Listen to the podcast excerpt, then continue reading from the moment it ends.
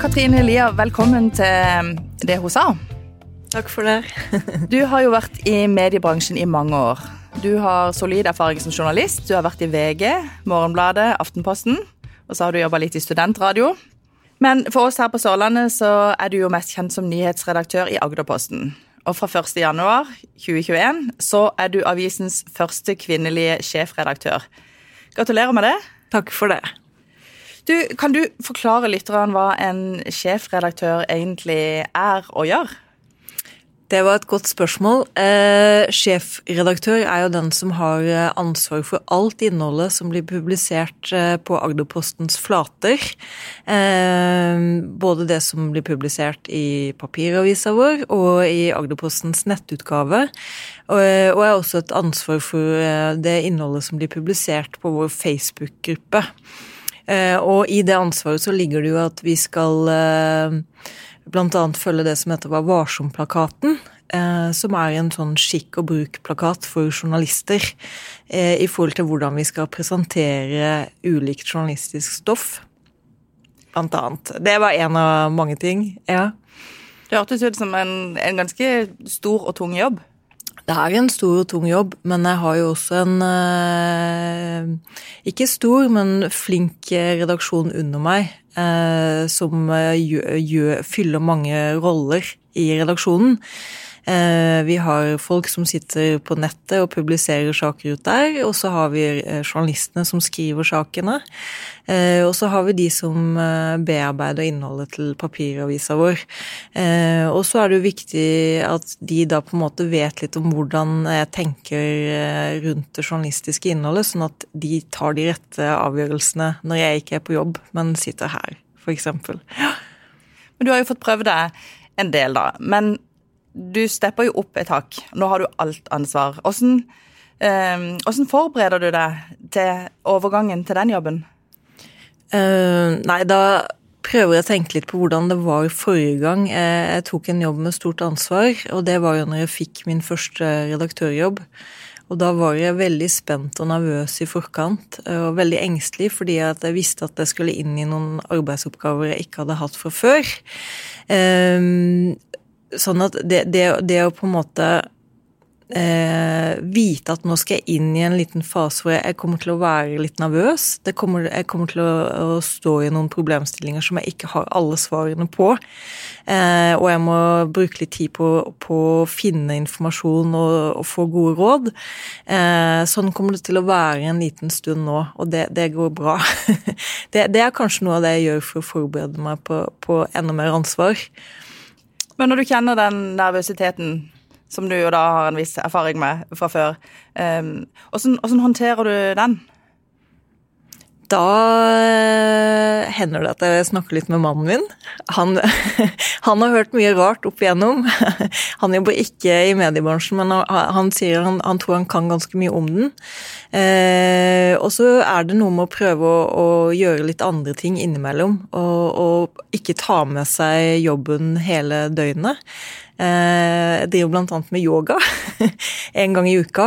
Eh, og det er en sånn veldig fin ting hvor du lærer deg å trene bort eh, sånne tanker som kan kverne da, i en periode hvor man er litt nervøs. Uh, og så passer jeg på å gjøre Ja, om, omgi meg med folk som gjør andre ting, kanskje. Og, uh, fordi det er klart, når du går inn i en sånn rolle, så oppleves den som enormt stor og viktig for deg. Uh, og så er det greit av og til å være i noen sammenhenger hvor, hvor, hvor, den jobben kanskje ikke er så stor og viktig for andre, da. og så er det å snakke med andre som har en lignende jobb, kanskje. Høre litt eh, hvordan har de forberedt seg på styremøter. Eh, er det noe jeg bør huske på? Eh, ta kontakt med andre som, som, har den erfaringen i det jeg skal inn i, da. Jeg kan huske um, da jeg gikk inn i jobben som redaktør i Kristiansand Avis, den første utgaven som jeg var helt ansvarlig for, den, da, da, var jeg skikkelig nervøs. Og det jeg var mest redd for, det var egentlig å gjøre noe feil. At noe skulle bli feil.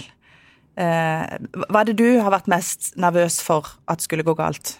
Nei, det er kanskje akkurat det. Eh, når du er redaktør, så står du på en måte i et sånn eh, press mellom forventningene fra journalistene, forventninger fra leserne og forventninger fra noen eiere også. Eh, og det, det å på en måte stå i diskusjoner, tøffe diskusjoner, det er jeg ikke noe engstelig for. Men jeg har også vært veldig engstelig for å gjøre noen feil som rammer folk. At vi skriver noe som går utover noen på en måte jeg ikke ønsker. Um, men så tenker jeg også at um, jeg skal eh, prøve liksom, Hver dag må man bare prøve å gjøre så godt man kan, og alle mennesker gjør feil. Og ledere gjør også feil. Og det er noe jeg sier eh, til mine journalister, at uh, vi skal ikke være redde. Vi skal gjøre vårt beste hver dag, men vi skal heller ikke være redde for å gjøre feil. For når folk er redde for å gjøre feil, så gjør de også lar de være å gjøre ting som kan være veldig bra. Så det å på en måte av og til trekke Ja ja, det, det gikk ikke. Jeg kommer til å gjøre feil nå også. Men hvis du gjør feil, da. Um, hvordan håndterer du det, eller hva gjør du for å, å rette det opp? Eller hva gjør du for å lære av det? Nei, For det første tror jeg vi i pressen eh, bare kan bli flinkere og flinkere til å erkjenne at vi har gjort feil. Eh, det vi driver med hver dag, det går i raskt tempo. Mange sier jo at journalistikk er historiens kladdebok. Eh, vi skal produsere nyhetssaker i høyt tempo hvis vi gjør feil. Eh, så tenker jeg at vi skal være veldig flinke til å si at ja, nei, her, her, gjorde vi en tabbe. Her burde vi hatt med flere kilder, eller den tittelen var eh, eh, Den ble misvisende. Og, på en måte rydde raskt etter oss. Og så må vi på en måte ta en liten runde og se på hvordan vurderte vi denne saken da, i en hektisk situasjon? Hva var det som gjorde at vi tok de vurderingene? Hvordan kan vi vurdere det litt annerledes neste gang? Og så har jo du en jobb som er veldig synlig. Ja. Så det er klart at når, når vi i vår bransje, når vi gjør feil, så er det jo ikke kun internt man merker det. Det, det er jo, Man stiller det jo ut for alle lesere også.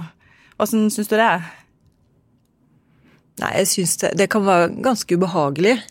Eh, men jeg tror når du, når du, på en måte er redaktør i et lokalsamfunn, så tror jeg det er viktig å, å Eller har en eller annen synlig lederrolle hvor som helst, egentlig. Eh, så prøver jeg å huske på at det er jo redaktøren som har gjort feilet, og så går det faktisk an å gå hjem og, og, og, og ha noen private rom, da, hvor man er i og har noen andre sider og ja, ikke er den redaktøren som har gjort de feila. Eh, men Katrine, i den jobben du har hatt, og i den jobben du skal inn i, så har du jo også en helt unik mulighet eh, til å påvirke. Eh, og vi bor jo i en landsdel som har sine utfordringer, både med levekår og med likestilling. Hvordan vil du bruke den posisjonen til å påvirke samfunnet? Det er et godt spørsmål. Jeg vet ikke Jeg tenker at det er viktig fortsatt å skille mellom journalistikk og aktivisme. Og jeg tenker jo at eh, kvinner, hvis det er det du tenker på, eh, skal få lov til å leve sine liv akkurat som de vil. Eh, og så må man også være ærlig på at de valgene man tar, har noen konsekvenser i form av Jobber du deltid, så uh, har du mindre penger, f.eks., og mindre pensjon. Uh, I forhold til det å være kvinne og leder, så har jeg jo lyst til å være med å påvirke på den måten at jeg har lyst til å vise at det går an å ha et godt liv med familie og barn selv om du er sjef. Det er fullt mulig. Ja, for det klarer du? Ikke alltid. Men det, jeg tror det er mange sykepleiere eller lærere som heller ikke alltid føler at de får til den spagaten der godt nok. Eh, jeg tenker i hvert fall at eh, når jeg bodde i Oslo før, eh, og da pendla jeg veldig mye. Eh, nå har jeg valgt å bo i Arendal med jobben fem minutter unna. Eh, det betyr at jeg kan komme tidligere hjem og ha mer tid med ungene mine når jeg er hjemme, f.eks. Så jeg har liksom tatt noen valg, da, og prøvd å innrette meg litt sånn at jeg skal ha mye tid med ungene mine, selv om jeg jobber mye. Og eh, det er også mulig å, å Selv om man er leder, så, så kan man jo jobbe eh, litt mer fleksibelt enn man kanskje kan eh, hvis man har en eh, annen turnusjobb. Eh, jeg har f.eks. valgt å prøve å være flink til å komme meg hjem eh, ganske tidlig, og heller jobbe litt på kveldene, f.eks. Det er fullt mulig å gjøre. Mm. Så det å ha en lederjobb da man har større ansvar, det kan samtidig gi en større mulighet til å være, å være fleksibel. Og fleksibilitet, tenker du at det er noe som er viktig for å få flere kvinner til å ta eh, større utfordringer på jobb? Ja, jeg tror det. Fordi eh, det er klart, Nå kan jeg bare snakke ut fra meg selv og hvem jeg er, men jeg tror hvis det var sånn at jeg måtte ta en lederjobb og på en måte velge bort ungene mine, så hadde jeg ikke tatt den jobben. Fordi eh, jeg er veldig glad i å være sammen med barna mine, og de er det viktigste. Um, men uh, det, er mulig, det er mulig å gjøre begge deler. Uh, men det, jeg kanskje må velge bort, er det hender at det er litt rotete hjemme hos oss. Eh, at eh, jeg har glemt av og til at det er sånn ta med et eller annet på skolen-dag. Eh, vi burde malt stakittgjerdet. Eh, sånn at eh, man må, må, må, kanskje velge bort noen andre ting i stedet. Det kan jeg kjenne igjen. Jeg hadde en periode der jeg var veldig redd for at det skulle komme uanmeldt besøk hjemme. Men så var det andre ting som gjorde at jeg syntes det var, at det var verdt det. I forkant av denne podkasten snakka jeg med flere som kjenner det, og som har jobba sammen med det, og som jobber sammen med det. En jeg snakka med, det var Morten Rød. Eh, han var sjefredaktør i Agderposten da du flytta hjem fra Oslo. Eh, han sa at han ble så glad når han hørte at du hadde fått den jobben. Eh, og han fortalte meg at du hadde sendt en melding der du takka han for at han ikke hadde gitt seg da han prøvde å få deg inn i jobben som nyhetsredaktør, tror jeg det var. Eh, for du sa at noen ganger må damer bli spurt to ganger, eh, og det skjønte du. Eh, vil du si litt om hvordan den prosessen var, og hvordan han klarte å få deg til å, å, ta den jobben? For det var en spesiell situasjon for deg, for da hadde du to barn og var gravid med det tredje, er det sånn? Mm. Ja. Hva var det som gjorde at du lo deg overtale, da? Nei, det var jo det at at han insisterte på at jeg skulle ta den jobben. Det som var saken, var Det var vel i 2013. Da hadde vi to gutter på tre og seks. Og jeg, og jeg, jeg hadde fortalt at jeg venta mitt tredje barn. Eh, og så var det en redaktør også som slutta. Eh, og da kom Morten Rød til meg og sa at jeg syns du skal søke på den ledige redaktørstillingen. Og så jeg, ble jeg veldig glad for å bli spurt, men jeg takka først nei. Fordi jeg tenkte at det ble utrolig vanskelig å kombinere med å ha tre barn eh, og en som var så liten. Ehm, men Så jeg foreslo at jeg kanskje kunne ha en annen stilling. En litt mer sånn litt mindre forpliktende mellomlederstilling. Men så spurte han en gang til. Eh, og så spurte han også hva skal til for at du takker ja til jobben. Og da var det nettopp det jeg var opptatt av, var jo det at jeg måtte kunne gå på ettermiddagene og komme meg hjem. Eh, og jeg tror nok mitt nei også var prega at jeg ikke helt visste hva det innebærer å være leder. Eh, jeg hadde ikke den erfaringen. Um, og når jeg da takka ja og fikk den erfaringen, så ser jeg jo at det ikke var så skummelt å, å si ja. Mm. Men det å stille det spørsmålet, hva skal til for at du tar den jobben, eller for at du tar den, eh, det, det, ansvaret, er, er, det et godt spørsmål? Det er et veldig godt spørsmål. Hvis man skal lykkes i ja. å, få de, å, få flere kvinner til mm. å ta lederjobber? Ja, det er et veldig godt spørsmål. Mm. Og så tror jeg også det, det, å kunne legge opp til en viss fleksibilitet. For jeg tror eh, veldig mange kvinner som markerer seg, og som viser at de fortjener en lederjobb, de jobber mye. Eh, det er i hvert fall min erfaring med dedikerte damer som er flinke i jobben sin. De sluntrer ikke unna. Eh, men de er opptatt av å, å, å ha tid med ungene sine, ofte. Det er ofte det det koker ned til. Og eh, stiller du den type spørsmål, så, så klarer man å Man klarer å få frem at Eh, det lar seg kombinere å ha jobb og barn. Eh, og jeg tror ikke du som leder sitter igjen med svarteper i form av en dame som ikke leverer. For det tror jeg de fleste damer gjør når de da takker ja. Men da har jeg lyst til å spørre deg, tror du egentlig at eh, damer faktisk er flinkere til å stille det spørsmålet om hvordan arbeidsgiver kan legge til rette for at de skal få tid sammen med barna, og for at det skal være mulig å kombinere å være en god forelder og å være en god leder, f.eks.? Har menn noe, har menn noe å lære der? Ja, det tror jeg absolutt. Um, uh, jeg, jeg, tror flere unge menn også, eller menn, burde, burde stilt det samme spørsmålet noen ganger. Uh, og jeg tror et moderne arbeidsliv uh, hvor du ofte Det er jo ikke sånn at du må sitte på et kontor for å jobbe. Eh, du har eh, ikke sant, Alt det digitale gjør jo arbeidslivet mye mer fleksibelt.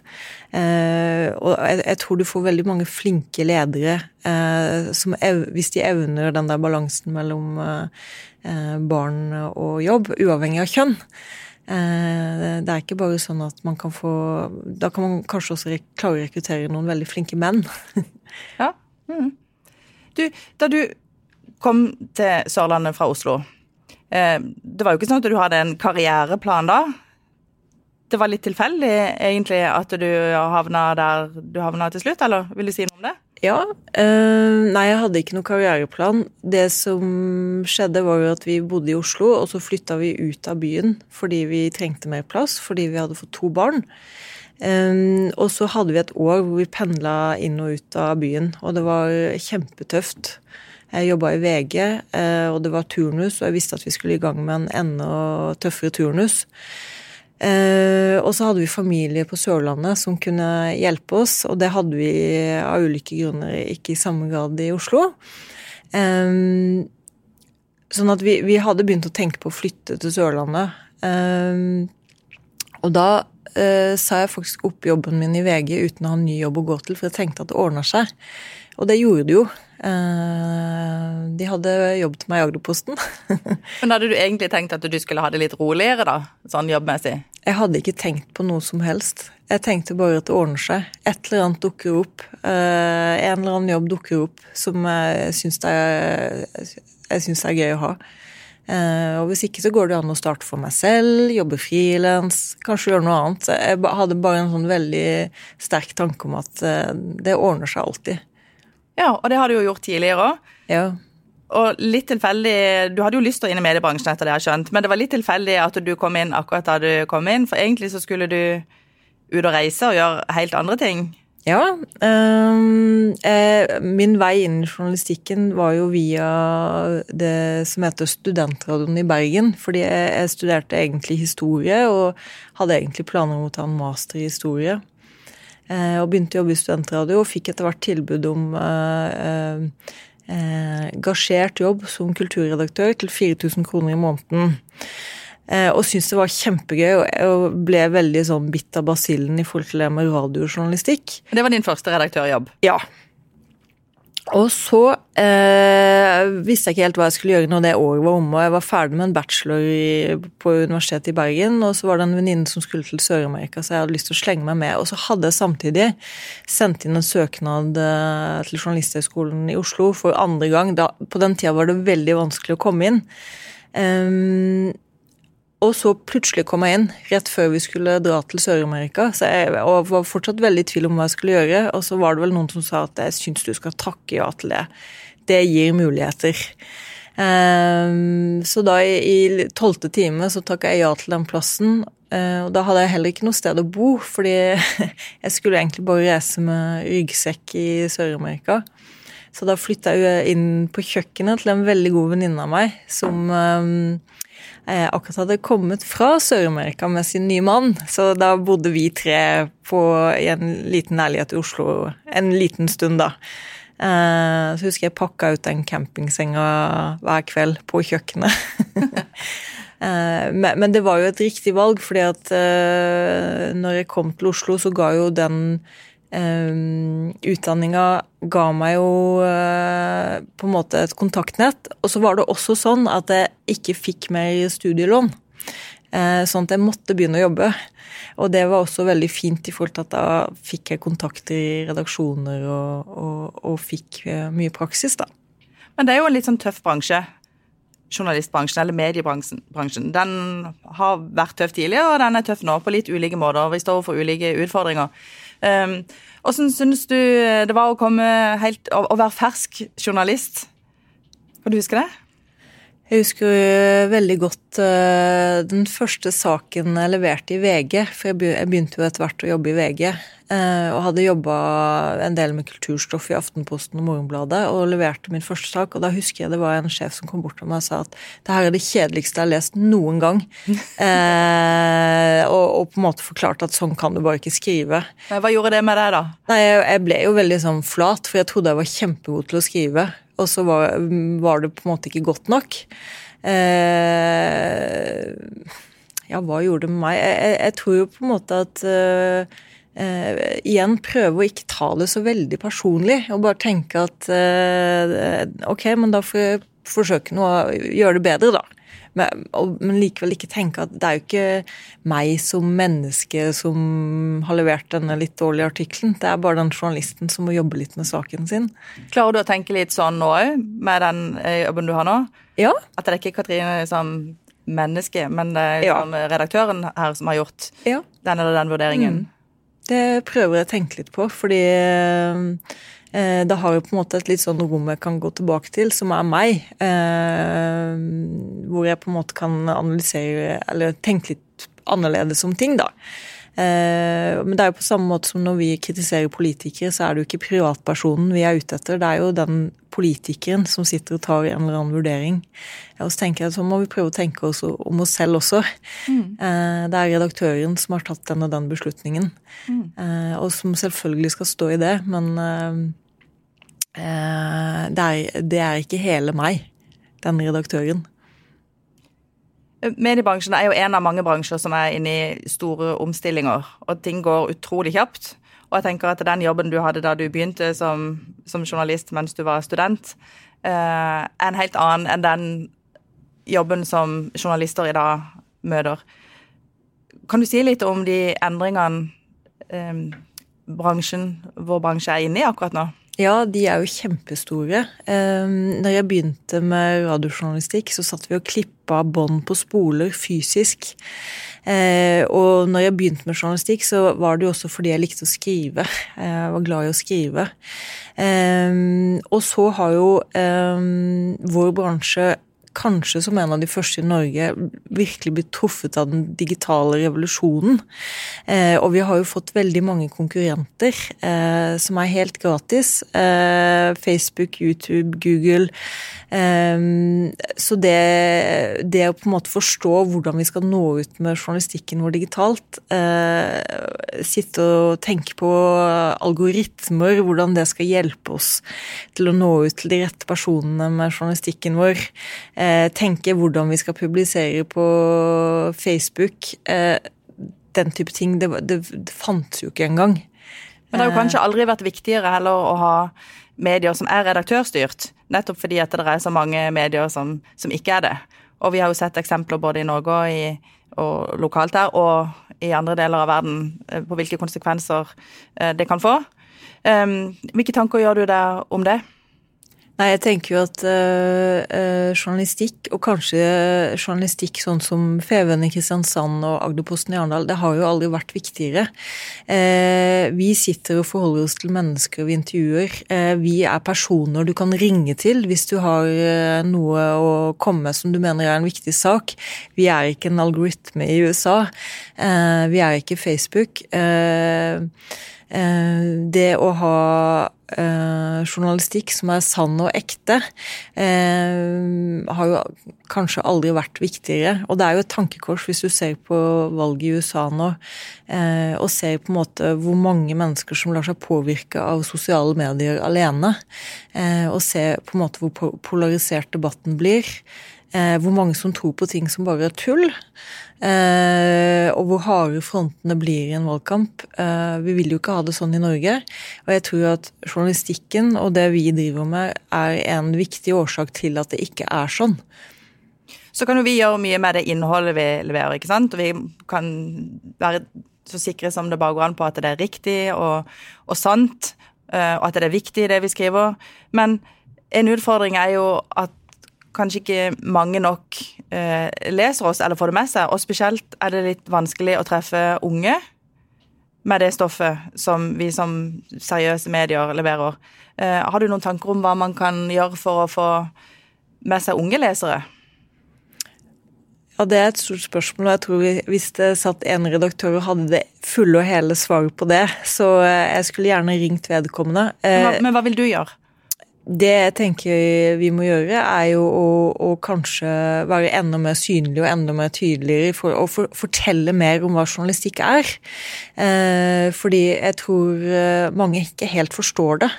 Eh, og spesielt ikke den generasjonen som har vokst opp med Facebook og YouTube og klipp og, eh, og vi må på en helt annen måte enn bare for fem eller ti år siden formidle hva det er vi holder på med. Eh, og så tror jeg også det er kjempeviktig å eh, finne kanaler og, og, på en måte snakke med unge mennesker på, da. Eh, og så må vi klare å gjøre det på en måte som vi også tjener penger på. Men Hva sier du til dine barn om mediebruk, f.eks.? Hvor gamle er dine barn? De er eh, en som blir 14, en som blir 11 og ei som blir 7. Ja, Så de er jo midt i den alderen. Jeg sier mye, nå må du skru av den skjermen. Ja, For de sluker iallfall sosiale medier ja, når ja, ja, ja. de mye tid på skjerm. Det gjør de.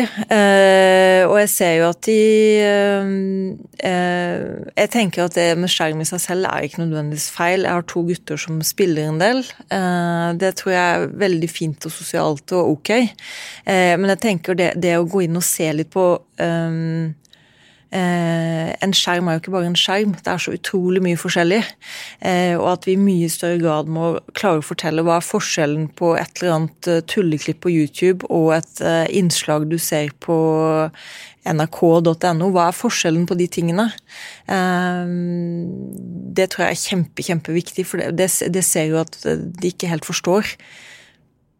Hvor bruker du sjøl mest tid? Jeg regner med at du selvfølgelig leser din egen avis, mm. og sikkert andre lokalaviser òg, men, men, men, hvor du, eller hvordan oppdaterer du det?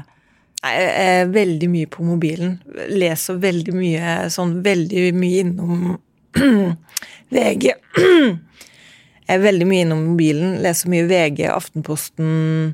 Jeg er nok veldig sånn uh, nyhetsjunkie, da. Ja. Men det tar jo også tid. Ja.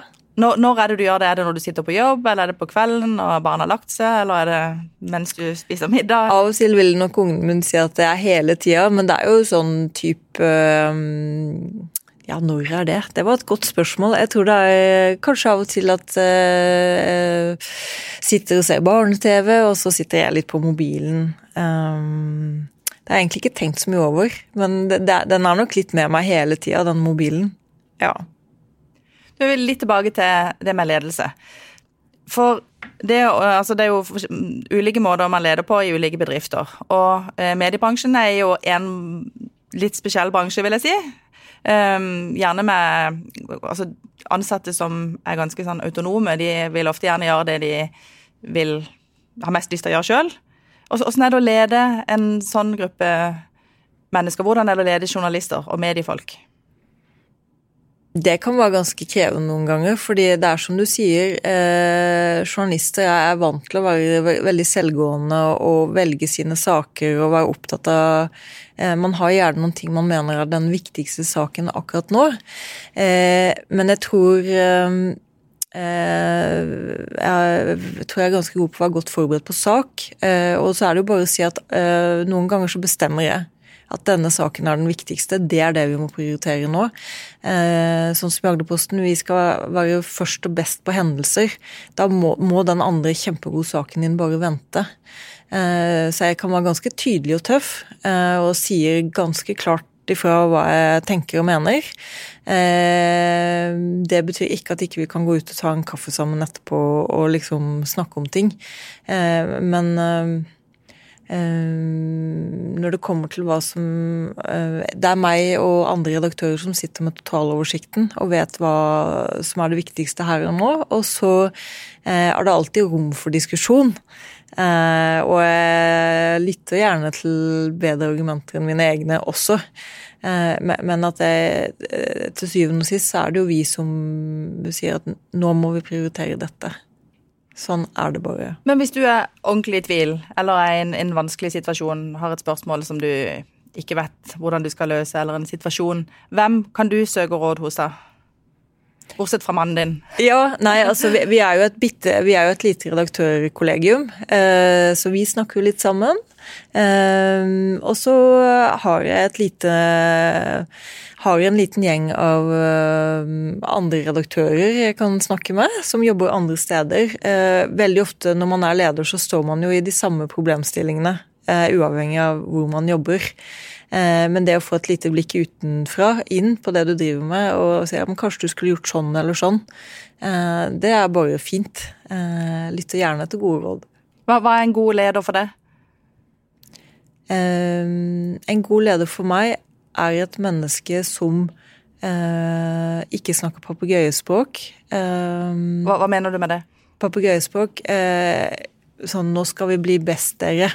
Nå skal, nå skal, vi bare Jeg pleier å si det noen ganger på jobb, nå må vi stå på dere, men eh, som på en måte eh, har satt seg litt inn i det man leder. Eh, som er tydelig og som er grei.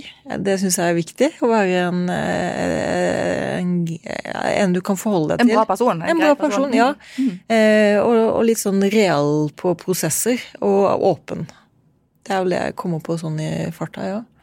Så er det sånn at jeg pleier også å spørre de gjestene vi har i studio, om de har hatt en sånn person, kanskje en sånn som den du beskrev nå, da, en, en, et en, en, leder som har inspirert de, som har vært en god rollemodell.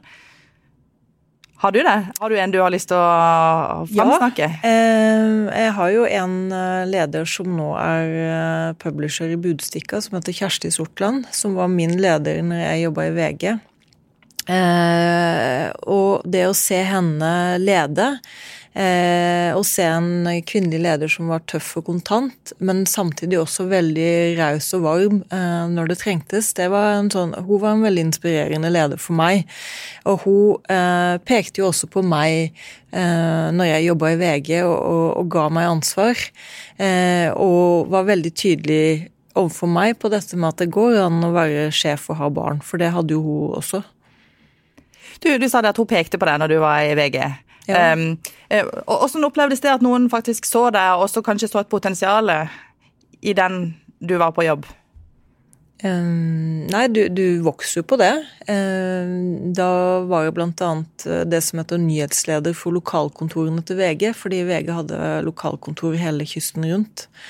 Um, og var det en liten periode. Og det var jo kjempe, kjempe Du vokser jo veldig på å bli pekt på. Eh, og så blir det også satt i veldig Du, du får det Jeg tror når du er leder, i hvert fall når du er ny som leder, så får du da alltid noen sånne kilevinker. Eh, og det vokser man litt på, det også, tror jeg, da. Eh, og det, det å på en måte Um, Bruker du det litt videre nå, da? Ja. ja. Mm, og, det, og, jeg er veldig eh, Jeg er ikke noe redd for å stå i konflikter og være uenig med de jeg jobber sammen med. Eh, det syns jeg i en bransje som vår, det skal være høyt under taket. Det er virkelig lov å bruse med fjæra og si, si, at nå syns jeg det du bestemte var Jeg er ikke enig, jeg syns det var dårlig. Og det er helt greit, og så må jeg kunne forklare hvorfor, hvorfor jeg tenker det er sånn. Eh, og så er jeg veldig opptatt, når vi da går ut døra etterpå, så er det eh, Vi tar det der og da. Mm. Men peker du også på noen av og til sånn og sier at du, jeg ser at du, eh, ja. du har noe i deg, du har et potensial? Ja, vi ja. har jo eh, en nå da som jeg har eh, pekt litt på. Vi har en veldig flink Vi, hadde, vi har noe som heter frontsjefer, som er de som sitter og har ansvar for nettet. Og der er jeg veldig glad for at vi også har fått med oss en veldig flink kvinne nå, som også var litt usikker på om eh, hun egner seg for den rollen, og det gjør hun jo. Eh, og jeg tror det, det, å på en måte være kvinnelig leder og, og, på en måte formidle litt den erfaringen det er å være kvinne og leder til eh, andre kvinner, og, og, og jeg tror det for Det var viktig for meg i forhold til at jeg valgte å, å, velge ledelse. Og jeg tror det er viktig at jeg også prøver å, å, formidle litt hvordan det er å være i den rollen, og ta det litt ned. Eh, overfor yngre kvinner som tenker at det kanskje hadde vært gøy. Og så er det lov å prøve å lede, og ikke få det til, til og med. Eh, det, det, tenker jeg også er viktig å, å bare si jeg, jeg prøver det, og hvis ikke det går Hvis ikke det blir perfekt, så er det Det går, det også. Det hørtes ut både som et godt råd og som en, en, oppfordring. Jeg har lyst til å spørre deg, Katrine Elia, til slutt om du vil dele noen gode tips med de som hører på? Um, da har jeg lyst til å si at um, ikke vær redd for å gjøre feil. Det tror jeg, hvis man tenker Hvis jeg skal snakke til andre damer, da. Ikke vær redd for å gjøre feil. Uh, alle gjør feil, og det er ikke farlig å gjøre feil. Uh, tør å gjøre noe som du ikke mestrer 100 Det kan gå veldig, veldig bra. Og husk å gjøre litt andre fine ting innimellom også. Tusen takk for at du ville komme til Fjellandsend og det hun sa, og tusen takk for at du delte. Du har lytta til Federlandsvennens podkast 'Det hun sa' med Birgitte Klekken. Har du tips til andre bra damer vi bør snakke med, eller har du lyst til å dele inspirerende erfaringer fra ditt arbeidsliv? Ta kontakt på dethosa1fn.no.